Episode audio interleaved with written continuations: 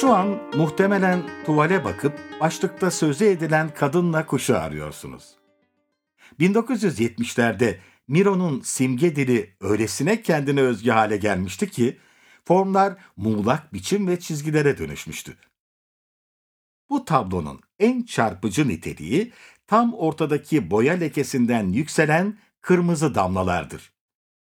Miro bu heyecan verici kompozisyonu elde etmek için damlalar kuruduktan sonra tuvali baş aşağı çevirmişti. Tuvalin böyle yeniden konumlandırılışı kompozisyonun gerçekte ne kadar planlı olduğunu gösterir. Miro'nun Amerikan soyut dışa vurumcu ressamlarla sanatsal ilişkisinden de bahsetmek gerekir.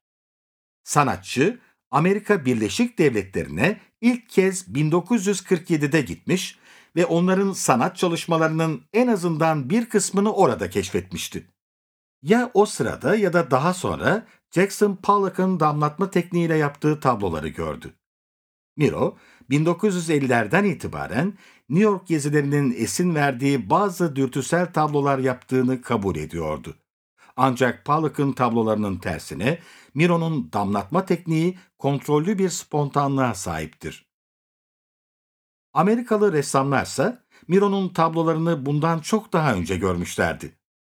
1930'lardan itibaren takım yıldızların bazıları da dahil olmak üzere Miro'nun çalışmaları belirli aralıklarla New York'ta sergilenmişti.